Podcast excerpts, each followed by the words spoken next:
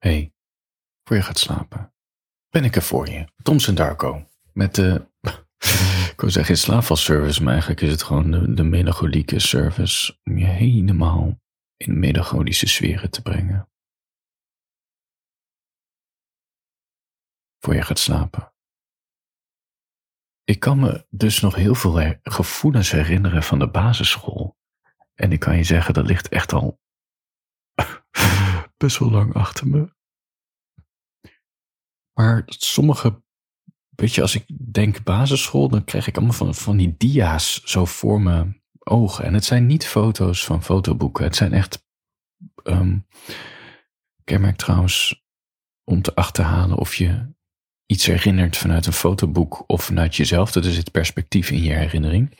Als je kijkt naar jezelf in je herinnering, dan is het waarschijnlijk een foto. En als je kijkt vanuit jezelf, dan is het een herinnering. En als ik aan de basisschool denk, dan komen er heel veel gevoelens op. Blijkbaar is dat hoe ik dingen herinner via gevoelens. En dat is op zich ook alweer logisch te verklaren dat ik nu schrijver ben en dat ik vaak schrijf en vertel over gevoelens waar niemand over praat. Omdat dat mijn manier is om de wereld te zien of zo, snap je? Via gevoelens.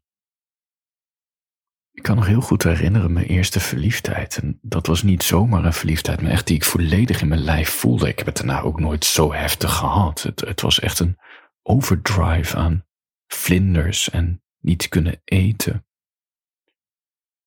En trillerige handen en als diegene dan oogcontact maakte, dat je helemaal, nou ja, dat je benen gewoon begonnen te, te, te, te week begonnen te voelen. En dat was fucking groep vijf.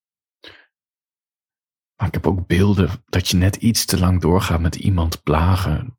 We deden zo'n topografie-toets achter zo'n computer in de gang, zo'n, op zo'n bureau met wieltjes. Waar dan zo'n computer met zo'n enorm beeldscherm op stond. Vooral natuurlijk zo'n toeter erachter. En een of andere manier vond ik het heel grappig om, uh, want de, het was zo'n klokje dat aftelde. Vond ik het heel grappig om te zingen en de tijd die tikt maar door om, haar zenuwachtig te maken. En ze lachte elke keer mee, dus ik ging maar door. Maar op een gegeven moment vond ze het helemaal niet meer grappig. En ik ging maar door. En op een gegeven moment werd ze boos en verdrietig en ging ze haar irritatie ventileren bij vriendinnen. Ja, dat gevoel dat je dan hebt. Dat gevoel van schaamte. En niet even schaamte, maar dan neem je gewoon mee naar huis, alsof al het al die energie uit je is getrokken. Omdat je natuurlijk iemand plaagde, omdat je het leuk vond als een soort, ja, waarom plaag je mensen? Geen idee. Dat het grappig is dat je met elkaar een soort connectie hebt of zo. Maar ja, als de ander toch blijkt niet leuk te vinden en je komt uit te laat achter, weet je dat gevoel. Maar ook toen ik eens een keer uitgelachen werd, ik weet niet. Je had van die appels toch, of van die bananen met zo'n sticker erop. Een of andere manier kwam ik op het idee om zo'n sticker op mijn voorhoofd te plakken. Groep 6 was het, groep 7. En iedereen reageerde er wel grappig op. Ja, wat is het, een soort kinderlijke fantasie toch? Ja, ik weet niet, het is niet eens een fantasie, een soort kinderlijke, ik weet niet wat het is sticker op je voorhoofd van een banaan. Maar een van mijn betere vrienden, die vond het totaal niet grappig. En, die confronteerde me ermee. Dat, dat, ik weet niet wat hij zei. Ik weet het echt niet meer, maar het was niet uitlachen. Het was echt heel, het was afgunst of zo. Nee, niet afgunst. Het was afkeer van die sticker op mijn voorhoofd. Ja, dat is een heel naar gevoel als je wordt afgewezen op een of andere manier. Maar ja, ik kan me ook nog steeds herinneren toen ik door onbekende jongens, stuk of vier, vijf jongens in een speeltuin in elkaar werd gemapt. Niet te zuinig, maar echt flinke. Het waren flinke klappen die je kreeg. Die angst, die vergeet ik nooit meer. Maar ook het moment dat je niet in bescherming wordt genomen door volwassen mensen. Terwijl achteraf gezien dat wel nodig was, dat, dat gevoel van eenzaamheid, dat je er helemaal alleen voor staat. Dat is, weet je, en ik leg het nu in een paar minuten uit, maar dit flitst gewoon in, in tien seconden allemaal voorbij. En nu, als je de woorden aan gaat geven, dan, dan krijgt het veel meer lading en kost het veel meer tijd. Maar dit, dit, dit is wat ik voor me zie bij de basisschool.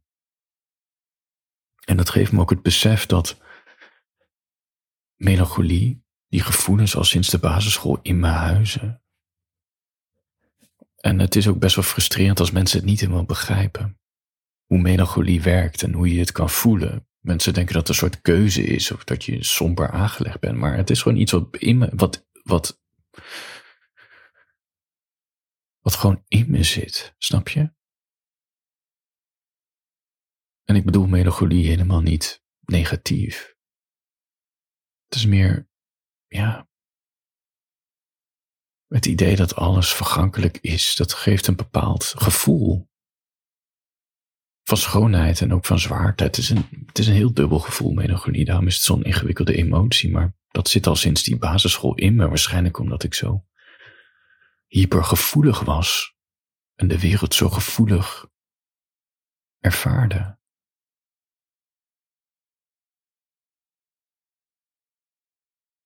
Ja.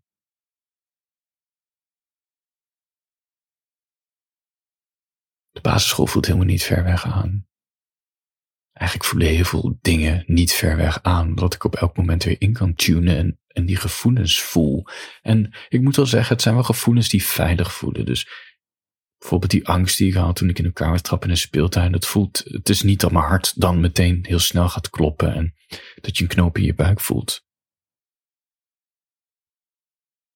Het lijkt alsof ik het, het, dat verwerkt heb, snap je? Je voelt het zonder dat je het voelt.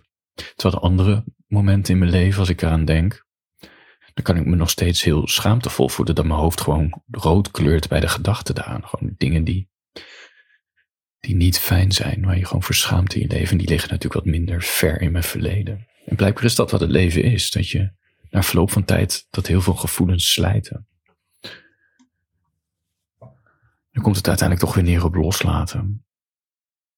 En er is een manier om dat loslaten, denk ik, te versnellen. Of in ieder geval dat je er meer controle op hebt. Voor je gaat slapen. Ik heb het denk ik wel eens vaker verteld, maar een van de redenen dat wij dromen als mensen, nou überhaupt elk, elk dier droomt, maar dat wij dromen, dat is om emoties los te koppelen van de situaties die we overdag hebben meegemaakt. Dus je maakt dingen overdag mee. En we voelen er altijd emoties bij, want dat is een soort stoplichtsysteem van, van ons lijf. Om de situatie te beoordelen, moet je bang zijn, of moet je blij zijn, of juist verdrietig worden, of boos worden, of zelfbesef. Snap je? We het is de manier waarop we functioneren via emoties. Nou ja, die emoties hebben ook echt een neiging om het vrij groot te maken. Waarschijnlijk als soort overlevingsmechanisme. Dus vooral angst bijvoorbeeld is heel gevoelig afgesteld. We zijn sneller bang voor dingen en argwanend. En uh, nou ja, dat is natuurlijk ook de reden dat een compliment voelt altijd goed, hè? positieve aandacht. Maar die ene opmerking van die ene persoon die je afwees, ja, daar kan je dagen wakker van liggen. Dat is hoe ons hoofd gebouwd is. Het houdt van negativiteit. Dat is blijkbaar door de bril van de evolutie beschermt ons dat beter dan een compliment. Nou ja, die emoties. Dus het is goed dat je het voelt, maar het is natuurlijk niet goed dat je die emoties de rest van je leven heel zwaar meeneemt. Dat wordt dan een heel ingewikkeld leven, dat je altijd dezelfde pijn blijft voelen van 30 jaar geleden. Op dezelfde intensiteit. Dus zijn erachter gekomen als we dat we dromen om zaken te verwerken, dat die emoties dus los wordt gekoppeld van de situatie. En daarom is het dus ook een van de redenen als je een hele drukke dag hebt gehad, of een hele intensieve dag, of heel veel mensen hebt gezien, of heel ingespannen hebt gewerkt, ja, dat je ook tegelijkertijd heel inspannend droomt daarover. En ook beroerd wakker wordt. Je bent gewoon je hele dag aan het verwerken. En dat is vaak ook, ik weet niet of jij dat ook effect hebt. Bijvoorbeeld als je, ja, nou ja, een, ruzie hebt gehad met een goede vriend van je of zo. Of, of in je liefdesrelatie. Gewoon een ruzie die niet, ja, dat een beetje schuurt. Het is niet zwart-wit, zo'n ruzie. Ja, nou ja, de gemoederen liepen hoog op en, en dan is het over en dan zit je nog te malen in je hoofd. Het, ja, het voelt niet helemaal lekker. Begrijp je? En misschien is er ook wel sorry gezegd, maar toch. En dan merk je als je na één of twee of drie dagen slapen, dat het voelt toch afvlakt. Heb ik dan althans. En dan lukt het ook weer opnieuw. Als je een goede relatie met die persoon, er nog eens een keertje over te hebben. En dan met veel neutralere gevoelens gewoon dat meningsverschil uit te praten. Dus dan merk je echt het effect van wat dromen met je doen, of in ieder geval slapen. Dat je emoties wat afvlakt. En dat is goed. Dit is dus ook een van de nadelen. Misschien komt daar het woord trauma vandaan, waar natuurlijk het woord traum in zit, droom, Duits.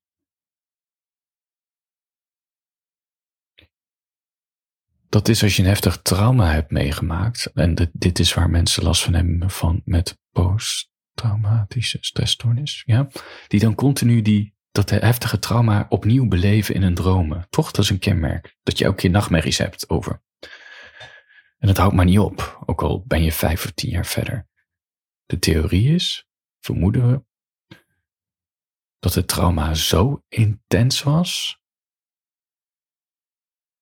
dat dromen niet meer helpt om die emoties los te koppelen. Maar dat lijf of lichaam, whatever, of je hoofd, dat wil dat loskoppelen. Dus die blijft continu maar die scène opvoeren om er vanaf te komen. ja, en dat werkt dus niet.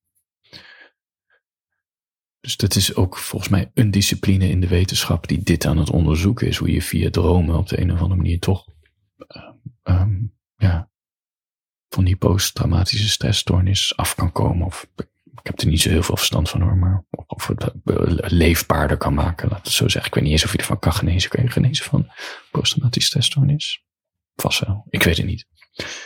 Het zal natuurlijk vast wel een zwakte plek blijven. Ik heb een um, buurman. Woont uh, niet direct naast me, maar zitten een paar deuren tussen. Die is zwaar getraumatiseerd teruggekomen uit de oorlog. In Irak of Afghanistan, ik weet het niet zo goed. En ondertussen, we zijn natuurlijk al 10, 15 jaar verder, maar het gaat alweer beter met hem. Maar hij heeft nog steeds triggers. ik lach erom, en dat zie je dus soms. Hij kan heel um, agressief doen. In, ja, agressief, heel, uh, niet agressief heel explosief doen in de groepsapp van de buurt. Dat er iets gebeurt en dan reageert hij heel heftig op. En tegelijkertijd, dat is ook alweer mooi, hij biedt ook heel snel, vrij snel zijn excuses aan en dan legt hij zijn situatie uit. Nou ja, dat hij getraumatiseerd is en uh, dat dingen hem triggeren, dat hij zo reageert en dat het hem spijt. Ja.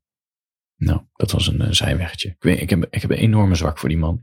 Niet alleen door dit, maar hij, hij spreekt er ook best wel open over. Zonder schaamte. Ja, ik weet niet of het echt open is, maar als hij erover praat, dan is hij wel heel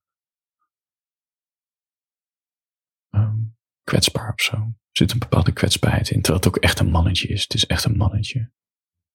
Echt een, uh, ja, weet je, aan zijn lichaam verzorgd. Dus, sportief. Nou ja, doet er ook niet toe. Het is een leuke man.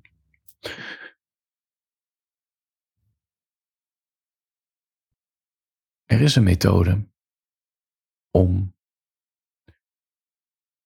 los te komen van die emoties. Ik heb het niet over traumatische dingen, maar wel dingen die je gewoon toch iets te veel hebben geraakt dan, nou ja, die je dieper hebben geraakt dan je zou willen. Bijvoorbeeld, je bent drie jaar verder en je denkt nog steeds aan je ex, ik zeg maar wat, hè. Of aan een vriendschap die is geknald of een bepaalde situatie op werk. Gewoon, ja, weet je, het is heel normaal dat, dat dingen zwaar voelen. En dat die ook niet meteen na een maand vertrokken zijn. Het is heel normaal dat je een paar jaar nodig hebt om over heftige gebeurtenissen heen te komen. Maar je komt altijd op een punt dat je denkt van ja, ik ben er nou wel een beetje klaar mee. Ik wil dit uitzetten, ik wil er niet zoveel mee bezig zijn en toch houdt het me bezig, snap je, dat gevoel. Nou, er is een manier om daarvan los te komen. En dat, dat, dat is dat je, het, dat je moet gaan schrijven erover. Op papier zetten. En dit is heel belangrijk wat ik nu ga zeggen. Want ik bedoel niet dat het schrijven therapeutisch voor je gaat werken. Dat hoor je wel eens zeggen, dat mensen iets hebben geschreven. Dat ze zeggen, dit heeft als therapie gewerkt. Ik weet niet of dat zo is. Kan. Het nadeel is ook, nou ja, kan. Dat, het, dat, dat je ervan geneest. Maar dan denk ik vooral het schrijven dat je nieuwe inzichten heeft gebracht. Dat zou kunnen.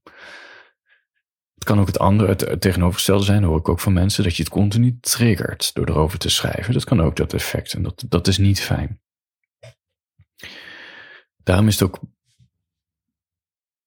als je besluit om dit te gaan doen, over te schrijven, moedig ik je aan om het niet autobiografisch te maken, maar het te gieten in kunst. Dus wat je is overkomen, dat is je basis om te vertrekken, om te schrijven. Maar probeer er een verhaaltje van te maken, een sprookje of een gedicht of maak er een science fiction verhaal van of een vampierenverhaal of een fantasy verhaal, whatever. Het belangrijkste is, is dat je het groter maakt dan het van jou is.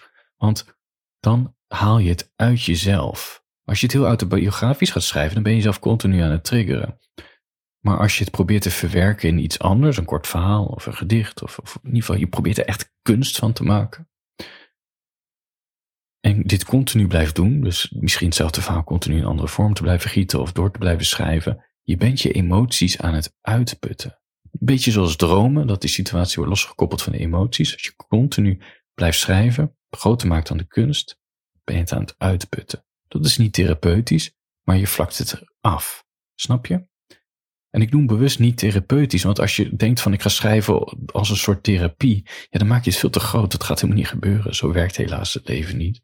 Ik wou dat dingen zo simpel waren, dat je erover kon schrijven dat je ervan genezen bent. Maar ja, ik weet niet of je zelf in therapie hebt gezeten.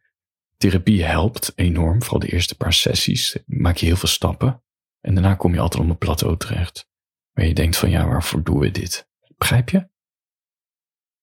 Therapie is geen wonder. Het helpt je vooruit, maar je komt altijd heel snel op een plat, een beetje zoals je gaat afvallen. Weet je, de eerste paar kilo's gaan het snelst en daarna is het echt heel taai en pittig en komt het aan op um, doorzettingsvermogen. Dat is natuurlijk ook in therapie zo.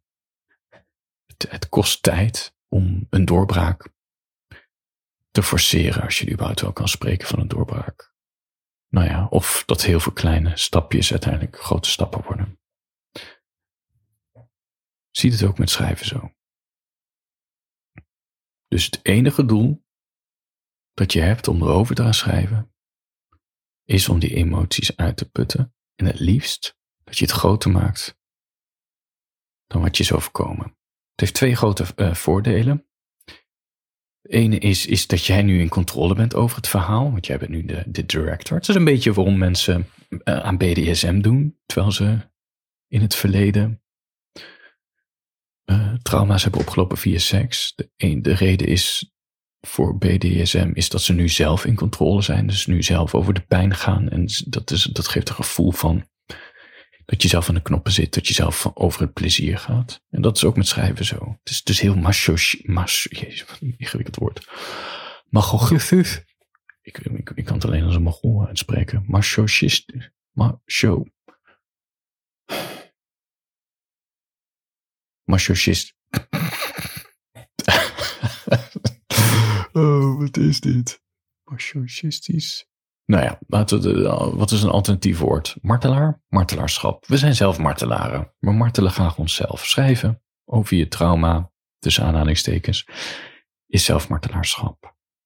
Maar het gevoel is, of het idee is, als je zelf bepaalt hoe het verhaal gebeurt, jij bent in controle, jij bepaalt nu je kan niks doen aan wat je is overkomen, maar als je het gaat opschrijven, ben jij nu de baas. En dat geeft je uh, controle terug. En je bepaalt ook hoe het afloopt. En dat heeft een helend effect. Ja, ik ben een beetje gevoelig voor het woord helen. Ik denk dat het te veel, uh, dat de belofte te groot is. Als je zegt ik wil helen van mijn trauma's, want ik denk dat, dat je ook van heel veel dingen die je is overkomen, dat je is overkomen in je leven, dat je daar niet van kan helen. Het worden wel littekens, maar die littekens blijven altijd zichtbaar. En dat is oké. Begrijp je? Dat is gewoon zoals het is. Sommige dingen zullen altijd de rest van je leven pijn blijven doen. Maar we willen toch een vorm van controle, daar hebben we over. Net zoals, ja, als je niet fit voelt, dat we gaan sporten. En dan ben je niet na één keer sporten fit. Maar als je het elke keer doet, word je als het goed is vanzelf fitter. Als je er elke keer over blijft schrijven, vlakt het gevoel als het goed is af en heb je meer controle op je pijn. Snap je? Ja. Ik hoop dat mijn verhaal duidelijk is overgekomen. Ik probeer in ieder geval een soort realistisch verhaal tegen je te zeggen en, en weg te blijven van dooddoeners als, uh, ja, schrijf over je gevoelens en, en je heelt of, of het gaat als therapie voelen. Dat is helemaal, Ik wantrouw ook een beetje in die promotiepraatjes van BN'ers die dan een verhaal hebben opgeschreven. Dat zeiden, het was heel helend en therapeutisch. Ik geloof er helemaal niks van. Ik kan me niet voorstellen dat ze erop, voor mij is therapeutisch dat je er vanaf bent. Laat me zeggen dat je angst voor muizen hebt en door therapie ben je nooit meer bang voor muizen. Dat. Ik geloof het niet met heel veel dingen die we in het verleden hebben meegemaakt, dat het zo simpel is dat er een knopje omgezet moet worden, dat je er geen last meer van hebt. Ik denk dat we van heel veel dingen heel lang last blijven houden. Misschien wel tot aan onze dood. Maar wat ik natuurlijk iedereen gun, inclusief mezelf, is dat die pijn minder intens wordt, dat het niet je leven overneemt, dat het niet te veel je gemoedstoestand controleert. Dat je gewoon wat meer gezondere afstand tot krijgt. Of dat je het een of andere manier integreert in je leven. En daar kan schrijven bij helpen. Ja. Um, als je hulp, nou laat ik het zo zeggen, niet als je hulp nodig hebt. Als je graag een duwtje in de rug wil, um, om een beetje in dat schrijven te komen. Ik heb een tien dagen bloedcursus ontwikkeld. Ja, nou ja, het is een beetje gek om te zeggen, want ik heb het zelf gemaakt. Maar de reacties zijn overweldigend. De mensen die eraan mee hebben gedaan, die zeggen echt, wow, it's life changing, man. Ja, omdat het zijn tien dagen lang, krijg je tien verschillende opdrachten. Het kost je ongeveer een kwartier per dag, een half uurtje. Je volgt er tien dagen uit. En het, het nodigt je uit om wat dieper in je eigen gevoelswereld te kijken. En om, ja, te oefenen of zo. Of, of via verschillende schrijftechnieken proberen om, om iets met die gevoelens te doen. Dus om er een verhaal van te maken. En, en je gaat meteen het effect merken als je die oefeningen uitvoert. Je voelt je dus anders na zo'n opdracht. Maar je hebt ook het gevoel dat je veel beter jezelf begrijpt en veel beter uh, snapt hoe taal, taal en schrijven je kan helpen om gevoelens onder controle te krijgen. Daarom heet het ook tien dagen bloeden, want het is echt, weet je, het komt allemaal uit jezelf. Van binnen naar buiten, laat me zeggen. Um, zoals Hemingway zei, schrijven is makkelijker achter een typemachine zitten en begin met bloeden. Dat idee. Ik zal een link in de show notes uh, toevoegen. Het kost 44 euro. En dan uh, krijg je de eerste opdracht per mail. En dan heb je 24 uur de tijd. En dan gewoon 10 dagen. Maar je mag het ook op je eigen tempo doen. Dus, dus denk er niet. Uh, uh, en elke dag stuur je een bewijsje naar mij. Dus ik, ik, kijk dus met je mee. Niet zozeer wat je geschreven hebt, dat is voor jou privé. Maar ik stuur op originele manieren, vraag ik elke keer dat je laat zien aan mij dat je het hebt geschreven. en dan hebben we gewoon elke dag een klein beetje contact, wat heel leuk is. Ik, kom ook best wel, ik heb ook best boeiende gesprekken gehad met mijn tien dagen bloeden cursisten. Ja, ik vind um, boeiende, diepgaande, nou ja, gesprekken die ook mij hebben veranderd. Ik merk zelfs dat ik het niet mogen van krijgen. Ik weet niet waarom. Omdat het zo kwetsbaar is of zo, snap je? Maar ook bijzonder en leuk om hiermee bezig te zijn. Gewoon op een fijne manier bezig met je gevoelens zijn. Zoals schrijven. Schrijven is ook heel leuk. Ik gun iedereen, uh, ieder creatieve ziel, dat die tijd vrij maakt om uh, te schrijven over zijn of haar gevoelens. Het, is het heeft een magisch effect, kunstmaker. Nou ja, nou, als, als schilderen je ding is, dan kan je natuurlijk over schilderen of fotograferen. Maar je snapt me gewoon via kunst jezelf uiten. En het groter of kleiner maken. Het is, uh, het is niet helend. Het is niet therapeutisch. Maar het put wel je emoties uit. En kijken naar mezelf, weet je, ik voel me al sinds de basisschool melancholisch. En dat is de reden dat ik schrijf, om die gevoelens beter te begrijpen en om ze te verwerken. Ik heb totaal niet de illusie dat die melancholie ooit verdwijnt. Ik zou niet eens willen dat het verdwijnt. Maar ik vind het wel fijn om dat het niet mijn, mijn gevoelswereld overneemt. En dat bedoel ik, die melancholie kan, kan het ook me richting de, de depressie trekken, snap je? En dan is het niet zo leuk meer om dit te voelen. En erover schrijven, helpt me het onder controle te houden. En het beter te begrijpen en ook de schoonheid ervan in te zien. En ook de schoonheid in de zwaarte, laat me zeggen. En in de tragiek die ik overal om me heen zie, dat is mijn filter op de wereld. Ik zie overal tragiek en om ermee om te gaan, dan maak ik er nog iets nuttigs van voor mezelf. Want ik, ik zet het om in woorden. Ja, ja, nou dat. Ik functioneer voor sommige mensen als een slaapbeeld. dus waarschijnlijk is de grote groep die dit heeft opgezet, is al lang in slaap gedonderd. Maar niet uit. Helemaal goed. Daar ben ik voor. Ik praat je in slaap met melancholie. Als een slaappil. Als het goed is, komt mijn stem nog wel binnen bij die mensen in hun oren. Dan ga ik nu even wat codewoorden opnoemen. Dan hoop ik dat je erover droomt. En als je dan terug gaat luisteren de volgende dag, dat je denkt: verdomme, daarom heb ik dus gedroomd over een koffiemok, labello stift, koptelefoon. Uh, en het laatste codewoord is, even denken, um, analoge wekker. Oké dan. Voor degene die nog wakker is. Je kan wakker met me blijven. Uh, petjeaf.com slash Darko. Er staan exclusieve, ik maak elke week wakker blijven afleveringen. Waar ik veel meer open ben. En waar je de handjes wel onder de dekens mag doen. En nou ja, hartstikke leuk. Ik praat deze week bijvoorbeeld over Barbie, de film. Fuck? Barbie. Oh my god. Ja. Je moet het horen. Mijn visie op de Barbie film. Echt, nou ja, wow. Maar voor nu, handjes boven de tekens. Slaap lekker.